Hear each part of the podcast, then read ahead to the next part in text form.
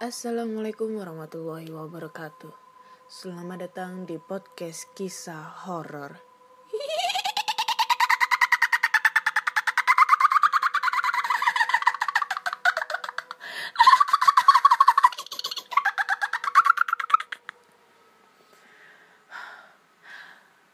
Masih bersama dengan Ana di sini yang akan membacakan cerita horor ataupun email berhantu yang sudah dikirimkan teman-teman melalui podcast kisah horor at gmail.com ataupun di DM Instagram podcast kisah horor dan DM Instagram Ana Olive. Uh, hari ini hari Kamis masih hari Kamis tanggal 8 Oktober 2020. Ya, hari yang agak berduka dan agak apa ya karena tepat di tanggal 8 Oktober ini seluruh Indonesia para ikatan mahasiswa dan buruh buruh nasional eh, melakukan demonstrasi di setiap daerah masing-masing di setiap kota masing-masing yang tujuannya ke gedung DPR ya. Termasuk di Surabaya ini karena menolak tentang rancangan undang-undang yang sekarang udah menjadi undang-undang undang-undang omni omnibus law ya. Saya sendiri sih juga menolak tentang kayak gitu ya ya. Mungkin ada yang pro ada yang kontra dan menurut saya sih ini sangat ya tidak manusiawi banget gitu ya karena aturan-aturan pekerjaan yang dirubah apalagi yang pegawai-pegawai kontrak yang tidak bisa menikmati eh sebagai pegawai tetap di sebuah perusahaan itu sangat aduh sumpah. Aku pernah banget ngerasain jadi pegawai pegawai kontrak di salah satu perusahaan swasta itu dan gak enaknya sama sekali karena banyak banget aturan-aturan. Dan eh untuk menjadi pegawai tetap di sana juga harus maksimal eh minimal itu empat tahun kita menjadi pegawai kontrak ya kayak gitu deh. Pokoknya nggak enak banget.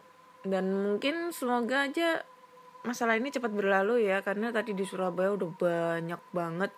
Aku tadi udah tadi pas waktu eh, berangkat ke sekolah ngajar aduh macet di mana-mana nggak bisa jalan udah keblok keblok semua daerahnya apalagi menuju ke daerah balai kota ataupun mungkin di gedung DPR DPRD ya. Itu udah ramai banget masa apalagi anak-anak mahasiswa gitu ya Surabaya. Ya ampun coba kalau aku masih jadi mahasiswa aku ikutan demo. Siapa tahu ketemu jodohku di sana. Gitu deh. Kasihan banget sumpah. Aku tadi ngerasain banget tadi sampai ada mahasiswa yang di apa ya kepergok dianya itu ngevideo polisi-polisi pada saat ada mahasiswa-mahasiswa disuruh jalan jongkok gitulah dihukum terus di direkam sama salah satu mahasiswa universitas lain dan akhirnya kepergok sampai ya di situ ada aku sampai aku aduh gila takut banget kalau aku yang kenapa-napa. Kalau dilindungin sama bapak polisi sih nggak apa-apa kenapa-napanya. Ya tetap aja sambil menyelam minum air gitu kan. Hmm. ya kita doakan saja semoga eh, keadaan di Indonesia ini segera membaik tidak ada perselisihan lagi eh, tentang omnibus law ini juga semoga cepat selesai. Ya benci banget aku sama DPR itu. Sama up siapa? Pian puan itu. Aduh buset. Sama puan tuh benci banget. Oke okay. eh Udah, kenapa ini laptopku? Langsung aja kita bacakan ceritanya ya, nggak usah ngurusin masalah DPR DPR pusing ngurusinnya. Ngurusin hidupku sendiri aja pusing, apalagi ngurusin DPR, anjim.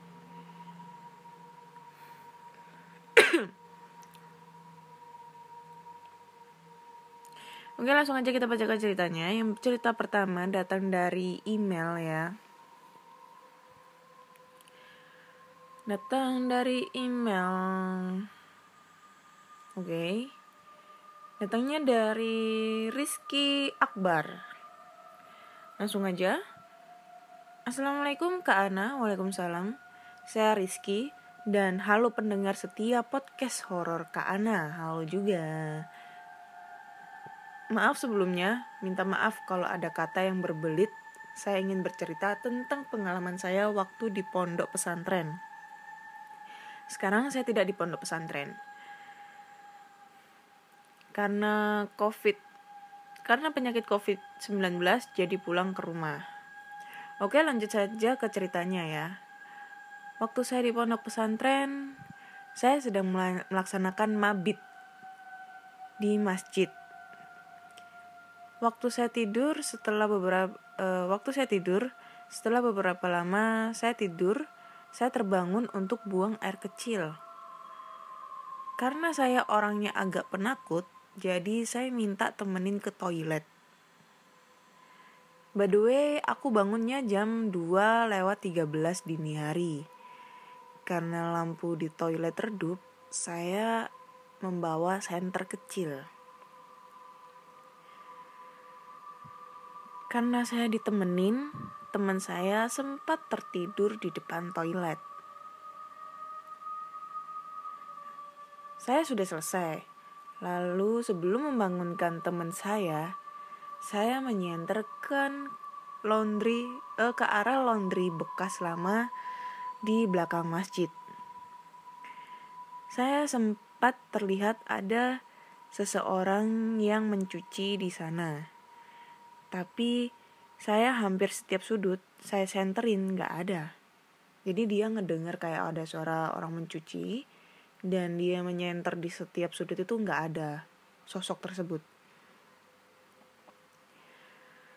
Setelah saya mendengar itu, saya membangunkan teman saya untuk mencoba melihat suara itu bersama-sama. Mendengar, bukan melihat Bambang. Tapi tetap saja nggak ada. Dan tiba-tiba ada Pak Sapam yang lagi patroli menanyakan ke kami berdua. Hei, kalian ngapain? Ujar Pak Satpam. Aku dan temanku menjawab, kami pak. Ujar, iya kamu ngapain? ujar Pak Satpam. Kami pun menjawab, sedang melihat laundry bekas ini pak. Dan kami pun bertanya, laundry ini bekas apa sih pak? Ujar kami. Oh ini bekas kakak senior kalian mencuci di sana. Terus di sana ada jurang yang sangat dalam dan di tempat itu salah satu kakak senior kalian meninggal ujar Pak Satpam anjir ini kakak senior kalian-kalian katanya ini mungkin yang dimaksud meninggal kali ya Oke sekian. Terima kasih wassalam. Sebelumnya maaf kalau kepanjangan. Ini sih nggak kepanjangan kependekan dan ceritanya belibet. Oke thank you ya Rizky ya buat ceritanya. Uh, next ditunggu cerita seram berikutnya. Oke lanjut aja kita langsung ke cerita kedua. Oke, cerita kedua datang dari Evi Nalsha. Langsung aja kita bacakan. Hai Kak Ana, halo juga. Kali ini aku ingin menceritakan kisah hororku yang lain. Ini pengalamanku saat masih kecil. Dulu, aku tidur di kamar sendirian. Dan aku suka tidur dengan keadaan seluruh tubuhku tertutup selimut. Dari kaki, sampai ke kepala. Dalam keadaan setengah sadar atau hampir tertidur, aku melihat dari balik selimut seperti ada api unggun besar yang bergerak mendekatiku. Dia memiliki satu mata berwarna hitam yang menyeramkan. Aku terkejut. Segera aku membuka selimut dan melihat sekitar. Tetapi ternyata ti- ternyata tidak ada apa pun di sana. Kututup kembali selimut dan bayangan itu kembali terlihat. Kini ia berusaha seperti ingin mencekikku. Aku panik dan langsung berteriak sangat kencang. Tak lama kemudian orang tuaku datang dan bertanya, "Ada apa, Vi?" Aku jawab, "Mm, "Tadi aku melihat ada makhluk seperti api yang bermata satu ingin mencekikku." Orang tuaku berkata, "Tidak apa, tidak ada apa-apa di sini. Kamu mungkin sedang mengigau." Tapi aku merasa itu seperti sangat nyata dan terlihat sangat jelas. Bulu kudukku berdiri dan keringat dingin membasahi tubuhku. Orang tuaku khawatir melihat keadaanku, dan mereka langsung mengecek suhu tubuhku. Ternyata aku demam, padahal sebelumnya aku baik-baik saja dan su- suhu tubuhku normal. Orang tuaku menyuruhku untuk kembali tidur dan mereka akan menemaniku. Dengan harapan, bila terjadi sesuatu, ada kedua orang tuaku yang bisa membantu. Aku mencoba untuk tidur, tetapi tidak bisa karena bayangan tadi masih menghantuiku. Aku tidak berani untuk tidur dengan menutup selimut lagi dan berusaha tidur sebisa mungkin. Setelah beberapa jam kemudian, akhirnya aku tertidur karena lelah. Sekian ceritaku ke Ana. Semoga lain kali aku bisa menceritakan pengalamanku yang lain dan semoga Kak Ana selalu diberikan kesehatan. Terima kasih. Terima kasih juga Kak Evi. Semoga Kak Evi juga diberi kesehatan selalu. Hmm. Makhluk bola kayak api unggun. Api unggun ya. Seperti ada api unggun yang bergerak mendekatiku. Eh, masa ini ya apa namanya? Banaspati ya. Tapi kalau banaspati itu dia tuh modelnya kayak ini bola bola api gitu yang melayang. Tapi ini dia punya mata cuy dan bentuknya kayak api unggun besar gitu. Uh Ghost Rider. Ghost Rider ini pasti. Anjing lah Ghost Rider ngapain juga ke rumahnya Mbak Evi gitu kan Ghost Rider hmm Iya sih ya, serem banget. Gak bisa ngebayangin kalau itu terjadi sama kita. Oke, okay, thank you Mbak Evi. Aku masih belum menemukan sisi horror banget gitu ya. Oke, okay, ini ada lagi email dari siapa ini? Dari Dede Fauzi Nuriasa. Oke. Okay. Hai Kak Ana, perkenalkan, aku salah satu pendengar podcast kisah horor. Saya sering dengerin podcast kakak. Sekarang ini saya sedang mendengarkan podcast kakak episode 52. Nah, di episode 52 ini saya bener-bener greget. Kenapa? Karena nampaknya email dari para penulis atau pengirim benar-benar langsung dibaca tanpa sebelum-sebelumnya diedit oleh kakak. Hmm. Jadi ada beberapa cerita yang malah nunjukin kebingungan kakak pada saat membaca cerita horor daripada pengirim. Dan menurut saya itu menurunkan sisi horor ceritanya. Di sini saya menawarkan apabila kakak butuh editor cerita. Oh iya iya. Oke. Oke oke oke oke oke. Thank you Mas Dede Fauzi Nuriasa ya. Sebelumnya aku mau menjelaskan dulu ya. Kenapa saya tidak pernah menyaring atau mungkin meng apa ya mengedit cerita-cerita dari pendengar yang sekiranya uh, mungkin peletakan tanda baca yang membingungkan atau mungkin kata-katanya membingungkan itu nggak saya edit tapi langsung saya baca. Ya ini jadi salah satu alasan aku ya. Karena jujur yang pertama kalau aku sudah baca lagi aku nggak bisa menemukan klimaks horornya itu udah. Karena di saat kalau aku udah udah ngebacain terus aku baca lagi itu jadi kur kayak kurang greget aku ngebacainnya nah untuk kalau misalnya aku ada salah satu pendengar yang mungkin pembat penulisannya yang agak bingung atau kayak gimana ya itu mungkin aku harap maklumi. Tapi ya kembali lagi ke kalian semua. Menurut kalian kayak gimana nih? Uh, aku harus mengedit dulu dari cerita-cerita pendengar ataupun mungkin langsung dibaca aja supaya aku ada sisi horornya jadi dapat gitu loh ngebacainnya kalau emang bener-bener ini ceritanya bagus banget kayak gitu. Kembali lagi ke kalian. Tapi so aku tuh nggak bukannya aku nggak mau menerima tawaran dari Mas Dede ya tapi aku nggak bisa ngebayarnya nanti Mas Dede. Aku nggak bisa ngebayarin Mas Dede gitu. Kalau aku minta tolong Mas Dede supaya untuk menyaring cerita-cerita horor di podcast kisah horor kayak gitu. Dan Mas Mas Dede ini di Bandung jauh banget saya di Surabaya Mas Dede di Bandung. Coba deh kalau Mas Dede di Surabaya mungkin kita bisa kolaps banget bareng gitu ya kolaps emang sekarat gitu kolaps kolab ya kolaborasi udah itu aja lah. Oke okay, thank you ya Mas Dede ya buat tawarannya.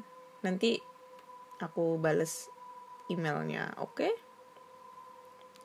next dua cerita masih kurang greget oke langsung aja kita ke beralih ke im uh, ke DM Instagram. Kemarin ada yang ngirim cerita ke DM Instagram ya bentar.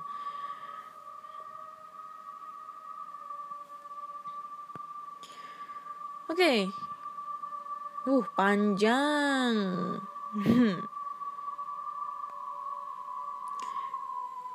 Ini Uh, tapi kalau mau dibuat podcast di Spotify nama dan tempatnya tolong disamarkan karena lokasinya masih difungsikan. Oke. Okay. Oke, okay, nama sama tempat tolong di nama sama lokasinya tolong dirahasiakannya, oke? Okay? Langsung aja kita bacakan. Namaku Visela. Wah. Tolong disamarkan. Mohon maaf. Ya, itulah Sela, Sela, namanya Sela aku kelas 7 SMP hmm, kelas 7 SMP masih imut-imut. Aku mau cerita tentang SD ku. Namanya SD Sukamaju ya itu ya. Pas aku kelas 1 ada kejadian aneh. Kakak kelasku kak apa nih? Kakak kelasku dia kelas 6 dia pergi ke toilet pas jam pelajaran.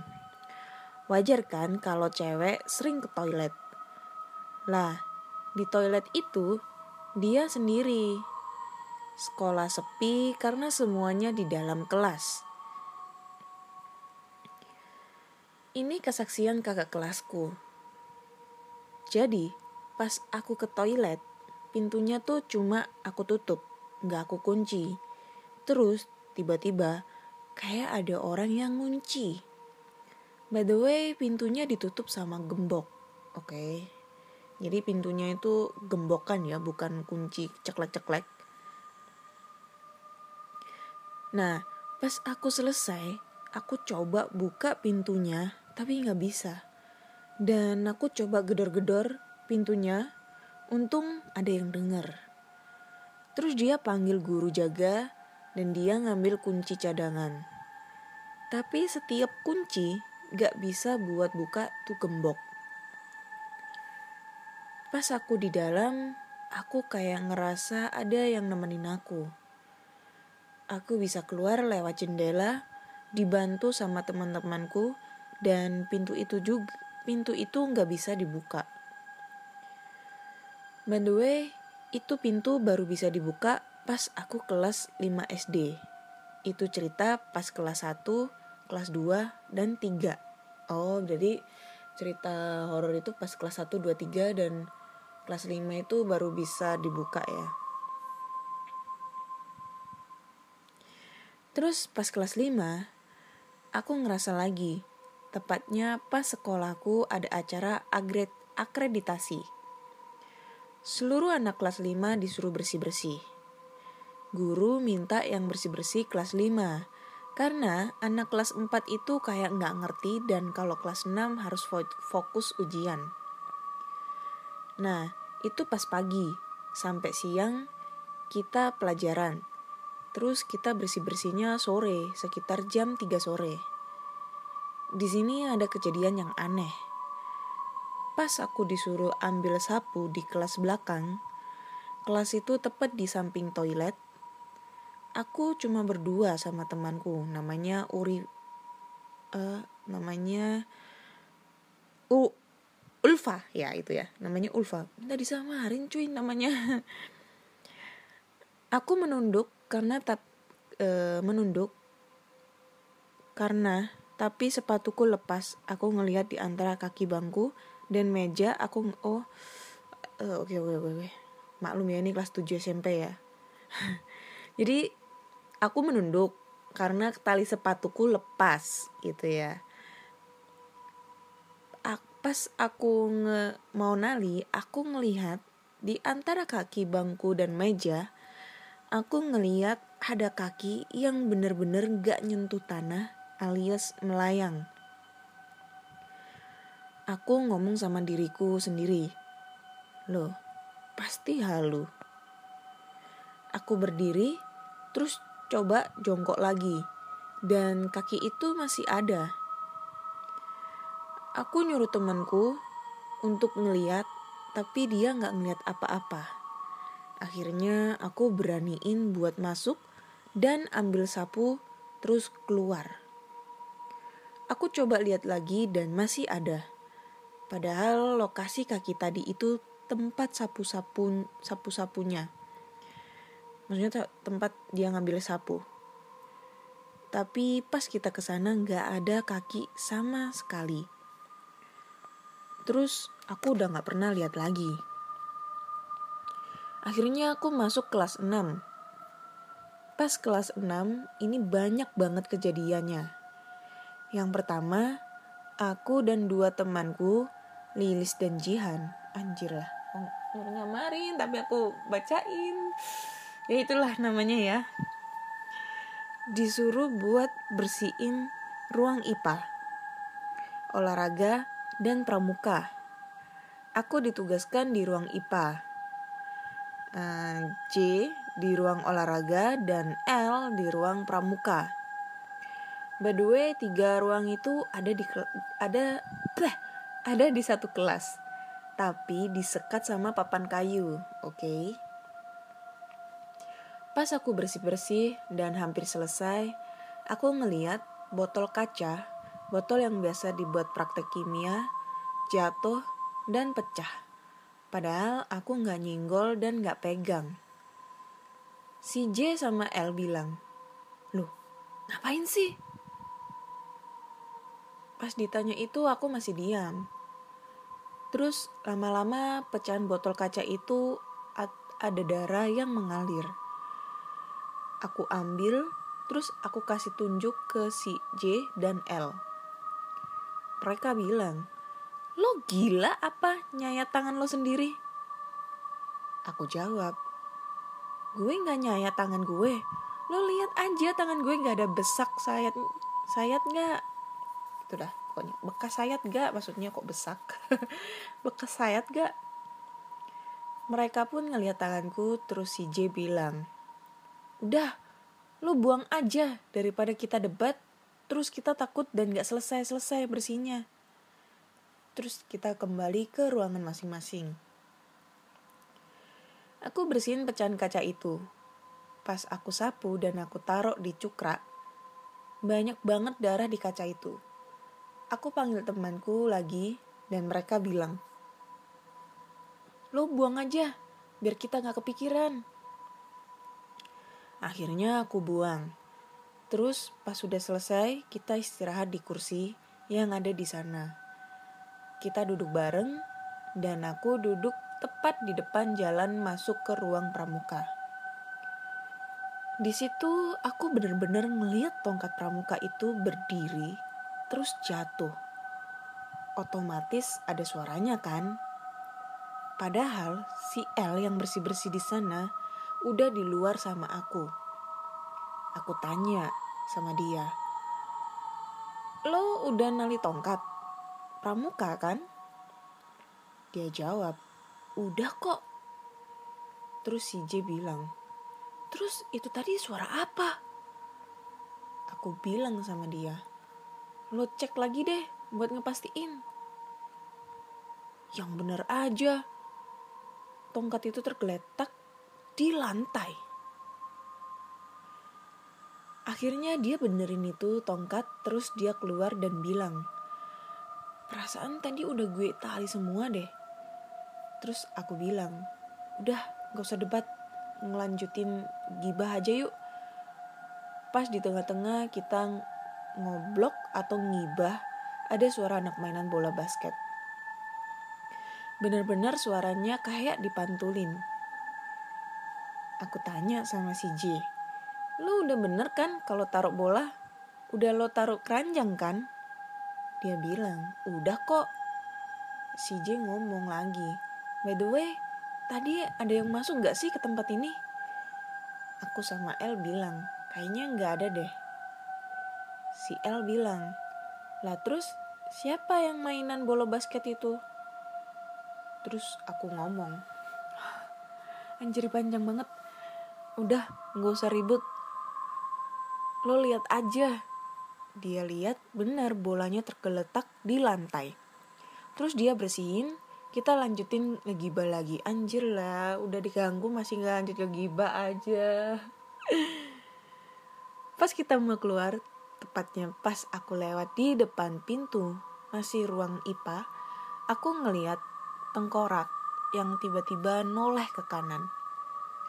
By the way, tengkorak terpasang di depan pintu. Terus pas kita udah keluar, tiba-tiba suara tengkorak itu jatuh. Aku dan teman-teman coba lihat dan bener tengkoraknya jatuh dan kita benerin barang.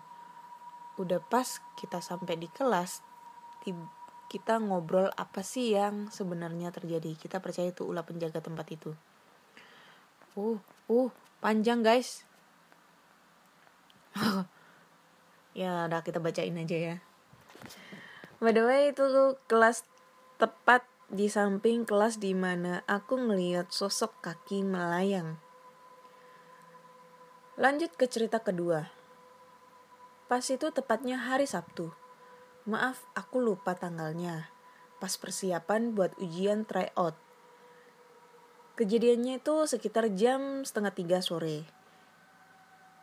Di situ aku sama Ulfa lag, e, disuruh guru buat taruh berkas atau dokumen yang udah gak digunain lagi. But the way, by the way lagi terus pas kejadian itu anak cowok pada masang nomor ujian dan semua cewek udah pulang tinggal kita berdua aja. Terus pas kita ke gudang, gudang itu di antara kelas yang aku ketemu sosok sosok kaki melayang dan ruang IPA. Jadi kesimpulannya ruang IPA sampingnya gudang dan sampingnya lagi kelas di mana aku nemuin sosok kaki melayang. Lanjut, pas kita buka gembok pintu itu, kita dengar suara cewek lagi nangis. Padahal di sana cuma ada dua cewek. Kita abaikan suara itu. Terus pas kita taruh berkas atau dokumen, kita dengar suara cewek ketawa kita berdua lari dan lupa belum kunci gudangnya lagi. Akhirnya, kita balik dan kunci. Yang pegang kuncinya si U. Aku cuma nemenin dia aja. Terus pas dia ngunci, aku ngeliat sosok anak kecil. Dia pakai seragam almet sekolah tahun 2000-an. Kalau dilihat dari penampilan, dia seperti anak kelas 4 dia duduk di dahan pohon cengkeh depan kantin. Samping toilet itu ada kantin, tapi kantin itu jam 11 udah tutup. Nah, di depan kantin itu ada pohon cengkeh. Aku ngelihat sosok itu sambil senyum karena aku kira dia adik kelas. Terus aku mikir, ngapain ya dia di atas sana? Kok dia pakai seragam almet tahun 2000-an? Kok dia kelihatan pucet banget?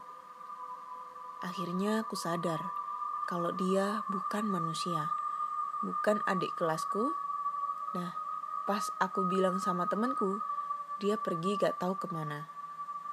Semenjak itu aku gak pernah ngeliat dia lagi dan berhubung ada pandemi COVID-19, jadi aku udah gak pernah ke sekolah lagi sampai saat ini. Terima kasih buat podcast kisah horor mau dengerin kisahku. Oke, thank you. Sela buat ceritanya ya. But the way, ini ceritanya panjang banget. Banyak banget sih by the way, by the way-nya. Tapi lumayan lah ini sekelas anak kelas 1 SMP itu untuk penulisannya agak lumayan rapi ya. Nggak, nggak membingungkan. Tapi ya itu tadi lah kurang serem ya. Oke, udah tiga cerita nih yang aku udah bacain. Gimana nih? Lanjut apa enggak?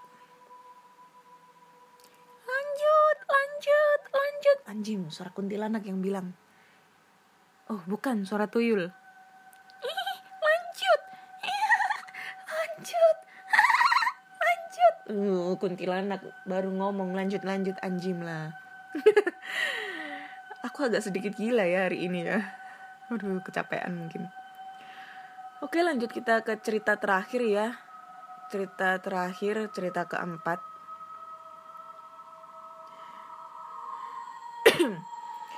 Judulnya adalah Jin Merah di Rumah Kakek Buyut.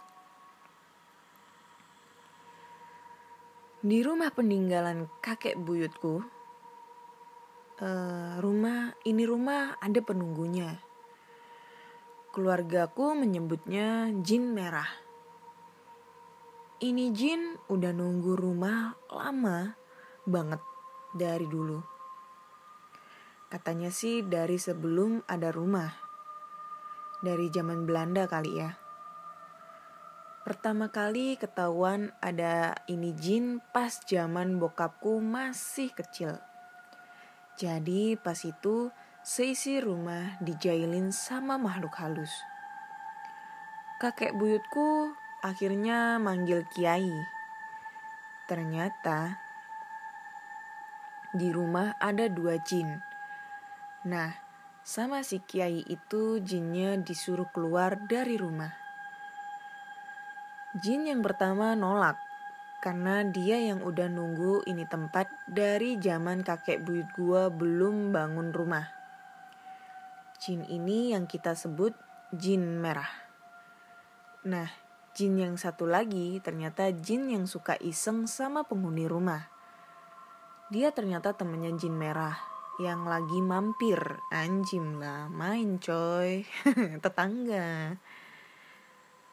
Tapi awalnya dia juga nolak buat pergi. Akhirnya dipaksa deh. Ama kiai itu jin dimasukkan ke kotak ke kotak korek. Itu jin disuruh dibuang di pohon jamblang deket pertigaan jalan deket rumahku. Jin merah akhirnya dibiarin tetap ada di rumah. Dan dia bilang gak akan ganggu penghuni rumah. Nah, keluargaku yang pertama kali lihat ini Jin tuh nyokap.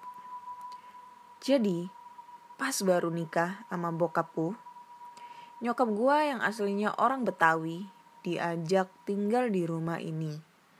Karena bokap dapat kerja di PLN Cirebon. Pas itu mag abis maghrib nyokap gue lagi duduk-duduk di dalam kamar sama bokap gue. Nah, pas itu ada tenaga, oh tetangga maksudnya ya, tenaga, tenaga dalam.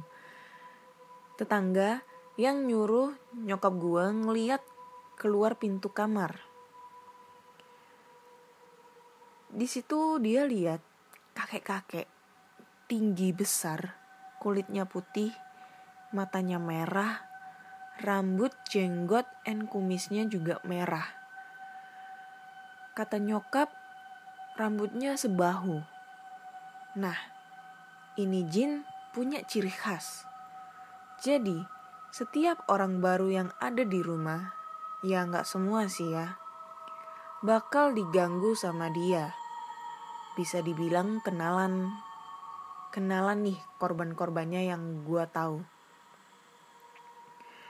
Om gua atau adik nyokap waktu pertama kali datang datang ke rumah dilempar ke arah pintu pas lagi tidur anjing.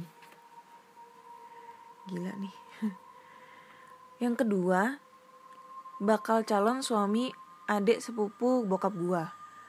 Dikerjain pas lagi tidur.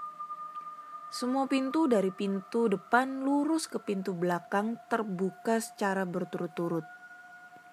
Rumah gua dari pintu depan ke belakang lurus banget, ada empat pintu. Ditambah pintu kamar dia. Jadi awalnya pintu kamar dia kebuka sendiri nih. Bunyinya keras, brak. Terus berturut-turut pintu depan sampai belakang kebuka hampir bersamaan. Lalu yang ketiga, pas gue pindah ke rumah baru, itu rumah lama pernah dihuni sama adik sepupu bokap gue berturut-turut. Termasuk yang suaminya waktu itu pernah diganggu pakai pintu. Nah, yang pertama om gue namanya Iwan. Dia awalnya tinggal sama ibunya. Tapi pas keluarga gue pindah, rumah itu dia yang tempatin dia bawa istri sama satu anaknya, masih berusia 4 tahun. Jadi, waktu itu istrinya lagi mandiin anaknya. Terus anaknya bilang kayak gini, Ibu, kok kakek-kakek itu ngeliatin mulu sih? Ibunya nanya, kakek-kakek yang mana? Yang itu, anaknya sambil nunjuk ke belakang ibunya. Ibunya nengok, tapi nggak ngeli ngelihat apa-apa. Terus anaknya bilang, Ibu takut, rambutnya merah, kumis sama jenggotnya juga merah. Dengar itu si ibu langsung inget cerita nyokap gua. Si ibu itu langsung cepet mandiin anaknya terus kabur deh. Nah, yang terakhir, yang keempat, gangguan yang keempat ini dialamin sama anaknya dan adik sepupu bokap gua yang selanjutnya ninggalin rumah itu. Sama kejadiannya sama cerita sebelumnya. Cuma kali ini di kamar anaknya bilang ada kakek-kakek tua yang semua rambut di tubuhnya warna merah ibunya yang denger itu langsung deh keluar rumah dan gak mau masuk rumah lagi sampai suaminya pulang kerja. Oke, okay. oke okay, ceritanya udah abis ya, udah empat cerita yang udah aku bacain. Menurut kalian yang ser, uh, blah blah anjir lah. cerita pertama, kedua, ketiga dan keempat menurut kalian yang serem cerita yang yang mana ya? Kalau aku menurutku aduh belum menemukan sisi seram dan nggak nggak sampai merinding merinding disco amat gitu ya punggung aku. Nggak kayak yang cerita cerita sebelumnya ya cerita gunung itu aduh sumpah. Cerita gunung yang merapi habis itu cerita yang Mas GG itu udah mencuk apa ya mewakilkan kemerindinganku kalau yang episode kali ini ceritanya agak kurang greget menurutku ya Oke, okay, thank you ya udah udah mau ngedengerin cerita di podcast kisah horor kali ini. So, jika kalian punya cerita horor dari pengalaman sendiri, kakek, nenek, ayah, ibu, eh, kakak, adik, tetangga, temen, saudara, pacar, atau TTM, HTS, siapa pun itu, kalian bisa langsung aja kirim cerita kalian ke podcast kisah horor at gmail.com podcast kisah horor at gmail.com ataupun di DM Instagram podcast kisah horor dan DM Instagram Ana Olive. Dan podcast kisah horor sudah bisa didengarkan di Spotify, Google Podcast, Apple Podcast, ataupun di Anchor. Jangan lupa klik tombol follow agar kalian selalu update tentang cerita-cerita horor terbaru.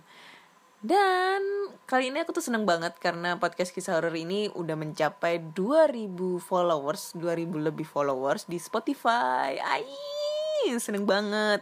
Dan ada pengumuman nih. Menuju 100 ribu listener di Spotify, uh, podcast kisah horor akan mengadakan giveaway, giveaway ya. Nah, kemarin aku udah mencoba polling di story Instagram podcast kisah horor untuk masalah giveaway. Uh, ada dua orang pemenang. Nah, ini kan aku kayak apa ya? bosen banget nih apa ya kayak basi banget nih kalau kita giveaway ngasih kaos ngasih kaos ngasih kaos kayaknya uh, kayak ya udah terlalu umum lah. Jadi aku memberikan giveaway yang lain yang belum pernah diberikan sama podcaster lain yaitu adalah saldo gopay 100 ribu untuk satu orang pemenang dan uh, lotion dan body scrub uh, body wash dari Scarlet Whitening anjim lah belibet ngomong dari Scarlet Whitening jadi ini dua hadiah sudah aku polling dan polling terbanyak adalah seri. Jadi anak-anak mintanya anak-anak lagi. Teman horor mintanya saldo gopay dan Scarlet Whitening. Jadi ini ya rulesnya. Gampang banget rulesnya. Coba kalian share ataupun repost di story kalian, story Instagram kalian. Menurut kalian dari episode 1 sampai episode 53 kali ini, menurut kalian cerita yang membuat kalian serem, dapat banget seremnya, horornya itu ada di episode berapa dan judulnya apa? Jangan lupa kasih alasannya dan menurut kalian yang kurang greget ceritanya ada di episode berapa. Jangan lupa kasih alasannya juga. Alasan yang terbaik kalian akan mendapatkan satu uh, satu paket body wash dan body lotion dari Scarlett Whitening ataupun mungkin saldo GoPay sebesar 100 ribu untuk satu orang pemenang ya. Jadi ada dua pemenang yang akan aku pilih. Yang jelas kalau Scarlett cewek lah. Nggak mungkin cowok. Atau mungkin cowok mau minta juga nggak apa-apa. Jadi terserah kalian. Kalian mau minta saldo gopay ataupun scarlet terserah. Mau minta saldo gopay gopay juga gak apa-apa. Dan jangan lupa repost di Instagram kalian. Dan jangan lupa tag Instagram podcast kisah horor dan Instagram Ana Olive. Nanti yang terbaik dan terunik ataupun terhoror nih alasannya bakal aku pilih untuk jadi pemenang ya. Jangan lupa. Dan uh, rules ini akan apa ya anjing lah gue bingung belum belibet sampai dan pengumumannya akan diumumkan pada hari eh, Kamis mendatang di episode terbaru Kamis mendatang jangan lupa mulai sekarang kalian bisa langsung aja uh, bikin rules-rules atau mungkin kalian repost-repost cerita mana yang paling serem, cerita mana yang paling gak serem, kalian bisa langsung tag aja ke podcast kisah horor. Ditunggu untuk cerita. Aduh, belibet aku sumpah. Kenapa ya aku ini? Pokoknya kayak gitulah. Pokoknya aku tunggu uh, alasan-alasan kalian atau mungkin repost-repost dari Instagram kalian ya. Oke? Okay? udah malam nih kayaknya udah pusing palaku udah waktunya bobo so thank you udah mau dengerin dan sampai jumpa di episode berikutnya see you